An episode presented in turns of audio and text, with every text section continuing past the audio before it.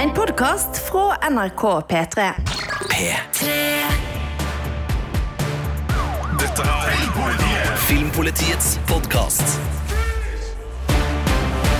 Velkommen til Filmpolitiets podkast i studio i dag. Birger Vestmo. Sigurd Vik. Og meg selv, Marte Hedenstad. Og i dag så skal vi kaste oss inn i drømmene til Nicholas Cage. Eh, I hvert fall nesten, eh, for han spiller jo hovedrollen i filmen Dream Scenario. En ny film fra hodet til den norske filmskaperen Kristoffer Borgli. Eh, Og Birger, du kaller Dream Scenario for morsom, satirisk og underfundig. Hva er det her for en film? Det her er en snål historie. Det er merkelige greier, altså, men det sier jeg med absolutt positivt eh, fortegn. For det handler om en mann som på uforklarlig vis dukker opp i alles drømmer. Og det her med figurer som eh, er med i andres drømmer, motvillig sådan, det har vi jo sett på film før, spesielt da i A Nightmare on Elm Street-filmene. Alle har jo et eh, kjennskap til Freddy Krüger, håper jeg. Hvis ikke så bør man oppsøke Elm Street-filmene nå. Og det, det, refereres faktisk til Freddy Krüger i denne filmen, for um, hovedutgangspunktet er jo det samme, at noen er med i andres drømmer og påvirker dem på et eller annet vis. Forskjellen her er jo at eh, Nicolas Cage sin figur er en anonym professor. Han foreleser i evolusjonslære ved et universitet som heter Osler. Og han har jo aldri hatt noen planer om å invadere andre folks drømmer, men så kommer det drypp etter drypp om at hans studenter de, de, snakker sammen og skjønner at de, de, har felles opplevelse av at denne professoren er med i deres drømmer som en observatør. Han står passiv og ser på det som skjer i deres drømmer. Og ikke bare studentene, det viser seg jo etter hvert at folk over hele verden opplever det samme fenomenet, slik at denne anonyme professoren plutselig blir verdenskjent. Han går viralt. Han blir et eh, fenomen i sosiale medier som bare tar skikkelig av. Og det er jo ikke denne professoren egentlig bygd for. I utgangspunktet, i hvert fall. Men så er det sånn at han har jo da noen ambisjoner her i livet som han ikke har oppnådd, men denne plutselige berømmelsen, den gir han jo en mulighet til å kanskje realisere noen av dem, og da handler det først og fremst om å bli en publisert forfatter, Der der han får lov til å skrive om evolusjonslære. Men så vil det jo vise seg Nå skal ikke jeg avsløre så mye av det som skjer videre ute i filmen her, da, men at denne oppmerksomheten som han blir utsatt for, eh, den vil jo gå helt andre veier enn eh, å få publisert bøker om evolusjonslære, eh, som han må navigere seg gjennom, samtidig som det skal vise seg at denne oppmerksomheten kanskje ikke er udelt positiv, spesielt ikke når disse drømmene folk har om han, etter hvert endrer karakter. Der stopper jeg all beskrivelse av eh, handlinga. Men eh, det er jo et veldig morsomt utgangspunkt. Og um, hvis man ser bort fra Elm Street-filmene, så kan man jo lure på hvorfor har ingen laga film om det her før? Og det er jo det som er så smart da med Kristoffer Borgli, at han har greid å ta et helt sykt utgangspunkt og laga en interessant film om det, som jo handler litt om vårt fokus på sosiale medier-fenomener, og også vårt forhold til eh, berømmelse, som jo ikke alltid er like sunt. Ikke sant. Eh, og Borgli virker å være en spennende filmskaper, Birger, med et litt sånt rart eh, hode som gjerne har et litt sånn skråblikk på, på samfunnet vi lever i. Hvordan vil du beskrive han som regissør? Ja, altså, han har laga flere morsomme og interessante og skrudde kortfilmer. Den første gangen jeg la merke til han, var da han laga What Everest eh, i 2013. Den var nominert til Filmpolitiets kortfilmpris det året, som vi hadde i samarbeid med kortfilmfestivalen i Grimstad, og den beskrev jeg som en fin, rar, mystisk og poetisk skrevet og regissert film om inspirasjon bak Todd Terjes låt Inspector Norse, faktisk. Eh, så det var liksom første gang jeg la merke til Borglis navn, og han viste seg som en en talentfull fyr som eh, vi var spent på hva han kunne gjøre i fortsettelsen. Og fortsettelsen ble jo da etter hvert hans første spillefilm, Drib, som kom i 2017. Og her utforska han jo da forbrukersamfunnet og hvordan vi som konsumenter blir manipulert av reklamebransjen i en liksom-dokumentar om en eh, nordmann som eh, gikk inn i et samarbeid med et eh, ikke navngitt eh, energidrikkfirma. som da i filmen fikk det, det fiktive navnet Drib. Så tok det jo helt av da i 2022, da han kom med Syk pike, som jo fikk sin debut på selveste filmfestivalen i Cannes, og det var da i sideprogrammet Øsørtæ Regard. Eh, Der trakk jeg sammenligninga med en yngre og råere Joakim Trier. Eh, For eh, her får vi da servert en historie om ei ung dame som higer etter oppmerksomhet. Hun lengter etter å få en sosial posisjon som hun ikke har oppnådd. Og så finner hun ut at det kan hun jaggu skaffe seg, blant da ved bruk av sosiale medier. Og hun går veldig langt, kan vi si det, da, i sine forsøk på å utmerke seg. Så det er jo da en jeg kalte det en sylskarp satire over oppmerksomhetstyranniet. Så det virker som at borgerlig er interessert i å ta pulsen på samfunnet vårt i sine snåle, skrudde filmer, som jo går langt over streken over det, altså, i forhold til det som er normalt, da, for å si det sånn. Men eh, bak all den mørke humoren og de skarpe observasjonene, så, så finner vi en del sannheter da om hvordan vi fungerer i det vestlige samfunnet i dag. Jeg syns han er en helt sånn nydelig filmskaper til å kombinere, som du sier, altså det er satire. Han vender ofte blikket mot oss i media og, og sånne ting, og, og kombinerer liksom bodyhorror, hvor du sitter og bare blir litt sånn eh, lettere begeistra hvis du er skrekkfilmfan, omtrent for hvordan transformasjonene i ansikt og sånn kan skje, men kombineres da med sorthumoristiske skråblikk på, på samfunnet og persongalleriet. Og han har jo en, en særegen estetisk stil også, som han har dyrka både i kortfilmer som Whateverest, What som eh, Birger snakka om en helt nydelig mockumentary som da også ble musikkvideoen til, til Todd Terje. Han har laga masse musikkvideoer for Casio Kids, for eh, Young Dreams, og, og, og de må ha liksom vært vel så mye kortfilmer som musikkvideoer. Donkeyboy vant vel Spellemannspris for, uh, for Ambitions uh, tilbake i 2009, så, så han har jo utvikla en del eh, aspekter ved eh, seg sjøl som filmskaper som han klarer å foredle veldig fint i spesielt da Drib og Syk pike. Jeg har ikke sett uh, Dream Scenario ennå, det er det kun Birger som er, men jeg gleder jo meg sånn både fordi at jeg selvfølgelig er veldig glad i Nicolas Cage, så i seg selv, der, er jo, Han har jo vært i drømmene mine uh, i, i lang, lang tid, men å, å få Kristoffer Borgli uh, sammen med Nicolas Cage Jeg må bare spørre deg, Birger, altså, er ikke det litt sånn perfekt filmskaper og perfekt skuespillerkombo? fordi at Kristoffer Borgli virker som en regissør som, som trenger skuespillere som er villige til å gå til plasser hvor kanskje ikke konvensjonell skuespillerstil tar deg. Eh, og, og du må også da være en skuespiller som trives og kanskje briljerer i de ytterkantene som, som du da blir bedt om å gå. Og ja, nei, altså, eh, ja, Vi skal vel snakke mer om, om Dream Scenario, men for meg så virka det bare å være en eh, match made in heaven, som de sier på, på godt norsk. Ja, det er nok riktig. Det Nicolas Cage har jo um, hatt suksess i noen år nå ved å inngå samarbeid med regissører som kanskje går mot eh, det litt eh, skrudde skråplanet som da Kristoffer Borgli representerer. Eh, Vi husker jo eksempel da Mandy, der han jobba med mm, unge herr Kosmatos. Eh, Nå har jeg glemt hva hans fornavn er, men han er jo da sønn av George P. Kosmatos, som laga Rambo 2 og Cobra på 1980-tallet. Men eh, sønnen eh, er jo da en helt annen eh, type Panos. Panos eh, Kosmatos, ja. folkens, Nå trodde jeg du sa. Thanos. Jeg trodde du sa Nei, nei, sa Thanos. ikke Thanos. Sa Panos, eh, og, og det er fordi at eh, jeg googla mens Birger ja. snakka. Så Panos uh, Kosmatos uh, var det. Ja, og Michael Sarnoski lager han eh, Pig eh, sammen eh, med, og The Unbearable Weight of Massive Talent, som jeg likte veldig godt. Der eh, samarbeider han med Tom Gormican.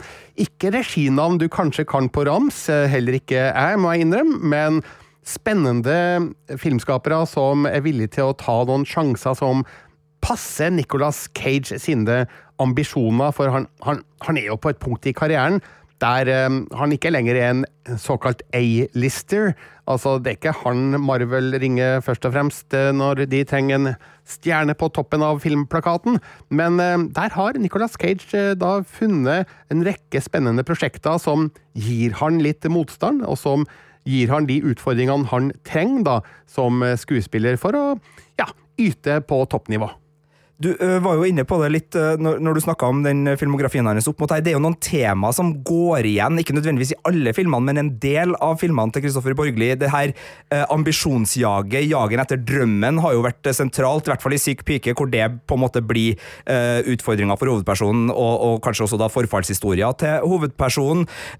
Og også selvmedisinering har vært et, et, tema som har gått igjen både i What Everest, hvor det kokes på, på, kjøkkenet, og det er også det Syk pike på en måte tar, tar, videre. Så det er jo en del sånne elementer som Kristoffer Borgli har holdt på med, i tillegg til denne mediesatiren, og, og den der evnen til å gå inn og ut av fiksjonslag. Altså, du vet aldri helt hvem satiren nødvendigvis er retta mot, og, og, hvem som egentlig er Hva skal man si? Det, det heter jo den, der, den upålitelige fortellerstemmen. altså det, det, er et snev av det i Kristoffer Borgli sine filmer, fordi det kan være en drøm du plutselig har sittet og sett på ei, ei, god stund, og så har han også gjennom Drib en faktisk upålitelig fortellerstemme der man på en måte gjenskaper historier i et metalag foran kamera. Men dem som da har kosa seg med Kristoffer uh, Borglis filmer, både kortfilmer, musikkvideoer og, og, spillefilmer, vil de kjenne igjen mye av den filmskaperen som nå da har tatt steget fullt ut til, til Hollywood?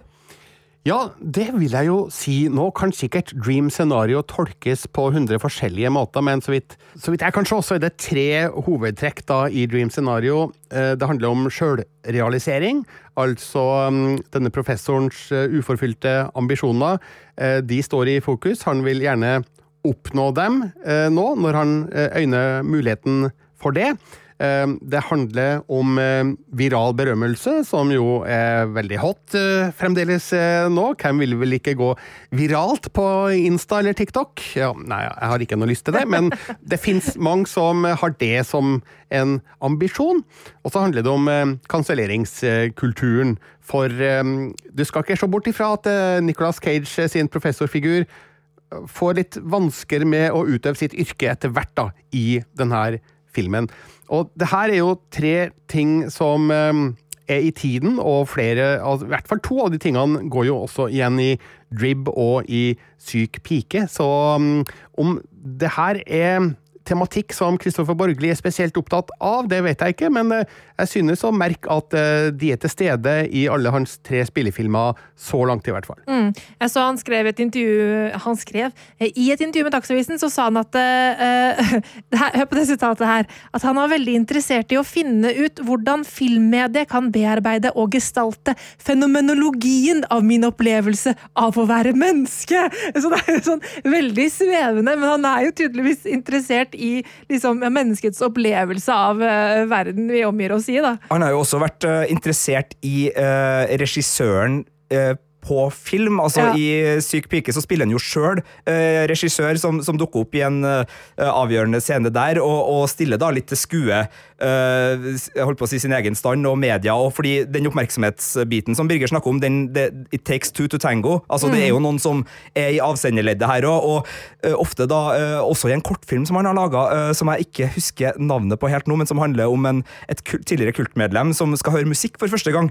der òg er det liksom plutselig så må liksom produksjonen, og det er jo i, i Dreeb òg, produksjonen blir en del av historien fordi de må plutselig da reagere, og, og, man ser også de kyniske trekkene og de, den ansvarsfraskrivelsen som kan liksom ligge i uh, medias møte med talent, da, og, og hvordan de liksom sånn Hvem var det som egentlig fikk tak i denne personen, og hvem har egentlig ansvaret her? Skal vi, skal vi la kameraet gå? Skal vi, skal vi stoppe nå? Altså, de, den type spørsmål. Mm. Jeg var ikke direkte sitat fra noen av filmene, altså, men, men det er jo med på å gi Kristoffer Borglin en sånn en, et fint ekstra metalag i en del av det han lager, som jeg syns er, er, veldig artig. For den der øh, øh, biten som, som, pirker borti både medias forståelse av seg sjøl, hvem som er avsendere, og medias rolle i, i apparatet, som da spesielt Dribb gikk veldig hardt inn på. Jeg syns det er et fascinerende landskap som borgerlig har veldig teft for å pirke i. Altså, det kan bli enkelt, og det kan bli klisjeer også når man skal bli meta og, og drive med de tingene, men jeg syns det er en skarphet og en sånn punk-energi i mye av det borgerlig har vist så langt, i hvert fall, som gjør at jeg syns han er eh, både underholdende, jeg flirer mye, men også god til å treffe der det er litt vondt, og der selvhøytideligheten i, i medielandskapet, både på de som ønsker å stille seg foran kamera, men også de som står bak kamera, eh, blir avkledd eh, passe eh, godt, for meg i hvert fall. Det er veldig gøy. Og du, du skriver i anmeldelsen din, Birger, at uh, Borgli har en leken visuell uh, oppfinnsomhet, som jo kanskje også spiller inn på det du snakker om, Sigurd. Ja, altså det handler jo først og fremst om hvordan uh, disse drømmene visualiseres, der denne professoren, som for øvrig heter Paul Matthews, har jeg glemt å si, der han eh, er med. Fordi eh, folk drømmer jo så mye rart, ikke sant? Og ting som skjer i drømmer kan være vanskelig å fremstille foran et filmkamera, men jeg syns at eh, Borgli gjør det med noen ganske for så vidt enkle, men effektive virkemidler. Uten å gå for detaljert eh, inn i beskrivelsene her, så tror jeg ikke at det er så veldig mye digitale hjelpemidler som er brukt, eh, med mindre de har greid å lure meg skikkelig, da. Det har sannsynligvis vært en del praktisk effektarbeide inn i bildet her for å gjenskape disse drømmene, som eh, er nok til at vi forstår at det er et skille her mellom drøm og, og virkelighet. Samtidig som Nicolas Cage sjøl gjør jo en kjemperolle. Fordi når vi møter denne professoren, så er han virkelig, som jeg sa, anonym. Han har eh, skjegg, briller, eh, kjempestor måne. Han går kledd som en skikkelig grå professor. Han foreleser, som jeg sa, i evolusjonslære, med spesielt fokus på maur. Eh, Så det er ingen tvil om at eh, professor Matthews eh, han, han er en eh, hvermannsen, i hvert fall i eh, universitetssammenheng her. Eh, og da er jo spranget desto større til den verdensomspennende internettberømmelsen han plutselig befinner seg i. Og eh, der får Cage bruk for sine egenskaper som skuespiller. Altså, jeg skriver det også i anmeldelsen, at det går fra det, her, det helt stille, forsiktige eh, som representerer Paul Matthews når vi møter han, til skikkelig cage-raging. Og nå vet jeg ikke om det er et uttrykk som eh, sier noe til alle der ute, men hvis man har sett Nicolas Cage i noen av hans mest ekstreme roller, eksempel i Wild at Heart, eh, som er kanskje min favoritt med han, så skjønner de at eh, cage-raging, det er når Nicolas Cage virkelig skrur opp energien til 11 eh, på, på den skalaen som bare går til 10, ikke sant? Og virkelig tråkker til og brøler ut. Og selvfølgelig så er det snakk om eh, ekstremt overspill, men det funker når Nicolas Cage gjør det, litt fordi han har jo blitt en slags egen sjanger, føler jeg da, som skuespiller. Sånn at jeg i hvert fall godtar det overspillet som Nicolas Cage av og til leverer, fordi det, det nesten på en måte hører med. Og det er jo litt fascinerende, fordi eh, Borgli har uttalt at eh, Adam Sandler lenge var aktuell for rollen. Eh, og da, Hvordan klarer du å se for deg det? Altså, Hvordan tror du det hadde blitt, Birger? Vet du hva? Jeg har såpass stor respekt for Adam Sandler som eh, dramatisk skuespiller at det tror jeg han hadde takla veldig, veldig bra. Altså Hvis du ser på um, Paul Thomas Andersons eh, Punch Drunk eh, Love, den het vel da Den het noe annet på norsk, svimlende et eller annet. Ja, men Punch Drunk Love i hvert fall, da. Så øh, viser han jo der at øh, han har en øh, rekkevidde som skuespiller som går langt utapå de komediene han kanskje har blitt mest kjent for.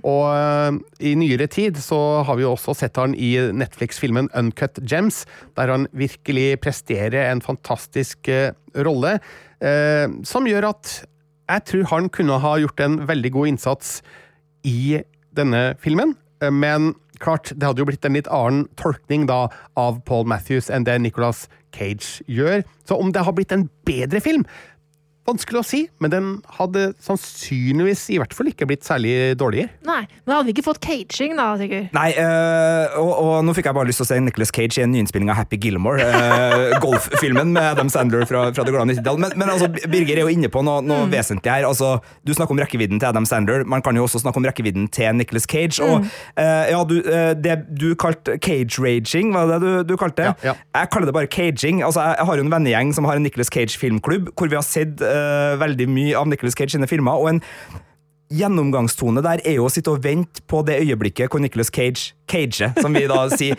Eh, gjerne litt sånn spontant, eh, hvor det kommer et sånt utbrudd av overspill som er kanskje bortenfor den fiksjonstroverdigheten som filmen egentlig legger opp til, men som allikevel funker, fordi Nicholas Cage Dude's got range. Altså, han har den rekkevidden, og, som, og så har det jo blitt et, et konsept rundt det, og, og, og litt sånn, men jeg husker blant annet i filmen Pig, som Birger nevnte her innledningsvis, som handler om en trøffelgris, og som handler om restaurantverden og en fyr som har falt litt utafor systemet. Det er ei scene inni der, jeg skal ikke avsløre eller spoile den filmopplevelsen, men det er ei scene hvor han bare plutselig stjeler en sykkel, og hvor han cager litt sånn og det er bare Altså, det er noe magi som oppstår i de øyeblikkene hvor Nicholas Cage bare får det for seg at her kan jeg løfte noe opp til et nytt nivå, så jeg gjør det. Aner ikke hvordan han er å regissere. Eh, Det har vært spennende å høre fra Kristoffer Borgli og, og eh, hans kollega hvordan Nicholas Cage er der. Han har jo eh, helt siden starten av karrieren hatt noen TV-opptredener og, og en, en, villskap som er fascinerende. Jeg har akkurat kjøpt meg en Nicholas Cage-biografi som jeg er godt i gang med nå. Det er interessant eh, lesing, eh, absolutt. Men eh, ja, det her var ikke Nicholas Cage-podkasten, jeg beklager for det. Men eh, jeg er jo veldig spent på å, å, å se denne kombinasjonen av Kristoffer Borgli og Nicholas Cage eh, foran et eh, kamera på et eh, kinolerret. Jeg har ennå ikke sett Poor Things. Jeg vet at det kommer til å være en av årets beste filmer, men jeg skal ærlig innrømme nå når jeg sitter og har begge de to filmene foran meg, altså Dream Scenario og Poor Things foran meg på kinomenyen, jeg gleder meg faktisk mest til Dream Scenario. Selv om jeg vet at Birger og, og har sagt at det er Poor Things som er kanskje den beste filmen av de to, og hvorfor skal ting rangeres opp mot hverandre, men jeg kjenner bare den komboen borgerlig Cage, den gleder jeg meg veldig til å se. Altså, Begge filmene er veldig gode, men uh, klart vi, vi får snakkes etter at du har sett uh, Poor Things. Men uh, jeg har ikke noe problem med å anbefale Nicolas Cage eh, i Dream Scenario. Han ble jo da gledelig nok nominert til en Golden Globe for sin hovedrolle. Og det ble dessverre ikke noen Oscar-nominasjon, men altså, hadde Dream Scenario vært en litt større film, fått litt mer spilletid på amerikanske kinoer, så ja, kanskje hadde han vært i diskusjonen til en Oscar-nominasjon, da, men ja, sånn ble det ikke. Men han, han gjør en veldig god innsats. Eh, En av hans eh, bedre, faktisk, da, på flere år. Men uh, Poor Things fikk jo terningkast seks fra deg, Birger. Eh, Dream Scenario eh, har fått en femmer eh, på, på terningen, Ja. Eh, så dette er jo ikke en perfekt film. Nei, altså Hvilke filmer som får terningkast fem, og hvilke som får terningkast seks, det kan av og til være en litt sånn unøyaktig og upresis uh, uh, sak. Ja. Men, men eh, når det gjelder Dream Scenario, så er det ett poeng som trekkes inn mot slutten av filmen, og det er litt mer direkte merkevaresatire, som vi også var inne på i eh, Drib, hans første film. Eh, Hvordan det gjøres i Dream Scenario skal jeg ikke avsløre her nå, men jeg syns at det blir litt uforløst og eh, litt unødvendig. Akkurat den biten kunne muligens ha vært eh, trukket litt mer tilbake, eller kutta helt ut, uten at det hadde gått på bekostning av den sentrale tematikken i filmen. Så det er vel kanskje først og fremst der jeg har trukket mest, da, for å si det sånn. Men bevares. Det er en veldig god film som jeg syns var veldig morsom å se. Også litt ubehagelig å se, eh, for det er noen eh, effekter her, og noen situasjoner som ikke nødvendigvis er bare koselig. Eh, Samtidig som at den pirker jo i noen sannheter om den tida vi lever i, som ikke er bare morsomt. Så Dream Scenario, top notch. En av årets klart beste filmer så langt. Det er veldig gøy, og det er bare å komme seg på kino, eh, altså, hvis du hører denne podkasten idet den eh, kommer ut. Eh, 2. februar så har Dream Scenario kinopremiere, så eh, ja. eh, jeg tror at hvis jeg på et eller annet sjukt vis klarer å komme meg ut, ut av huset og, og satt igjen med ungen min hjemme, så kanskje jeg skal få kommet meg på Dream Scenario. Men jeg bør kanskje få sett Poor Things først, eller Birger? Altså, hvis jeg skal rangere filmer, så er Poor Things alltid øverst eh, per i dag. Eh, men eh, Dream Scenario den må absolutt være med på topp fem-seks-lista, i hvert fall. Nå har jeg bare dårlig samvittighet for at jeg begynte med den her double bill-greia. Det var aldri meninga at ting skulle settes opp mot hverandre her, så, så ja, beklager for den. Men to filmanbefalinger fikk du da altså i denne podkasten. I tillegg til at jeg må bare si Kristoffer Borgli sine filmer er verdt å se. Eh, Du finner en del av hans eh, kortfilmer også, og musikkvideoer, hvis man eh, går litt rundt på, på internettet. Og det er elementer der som gjør at de også er veldig severdige. Så det er en liten bonusanbefaling hvis du har sett Drib, Syk pike og også da Dream Scenario, og kjenner at du har lyst til å se mer av Kristoffer Borgli. Så ternekast fem til Dream Scenario altså. Løp på kino. Eh, det var det vi hadde for i dag. Takk til deg, Birger. Takk til deg, Marte. Og takk til deg, Sigurd. Eh, Takk til deg, Marte. Takk til deg, Birger. Eh, Takk til dere som hørte på. Takk til deg, Sigurd. Takk til deg. eh, Og takk ja. til deg som hørte på. Takk til, takk, takk, Tusen takk. takk, takk. Gauteshow! Hvor gammel er du, da? 25. Man kan, skal ikke spørre samer same om det. det. Nei, og spesielt ikke samedamer. Ja, hva er slagordet til samene? Vi kom først. Det er slagordet mitt, og jeg, jeg kom først. Jeg skjønte den. Man kan kødde med samespråk. Eller Sameland, hva heter det nå? Sápmi. Sápmi. Sápmi det. Gauteshow! Se det nå i NRK TV.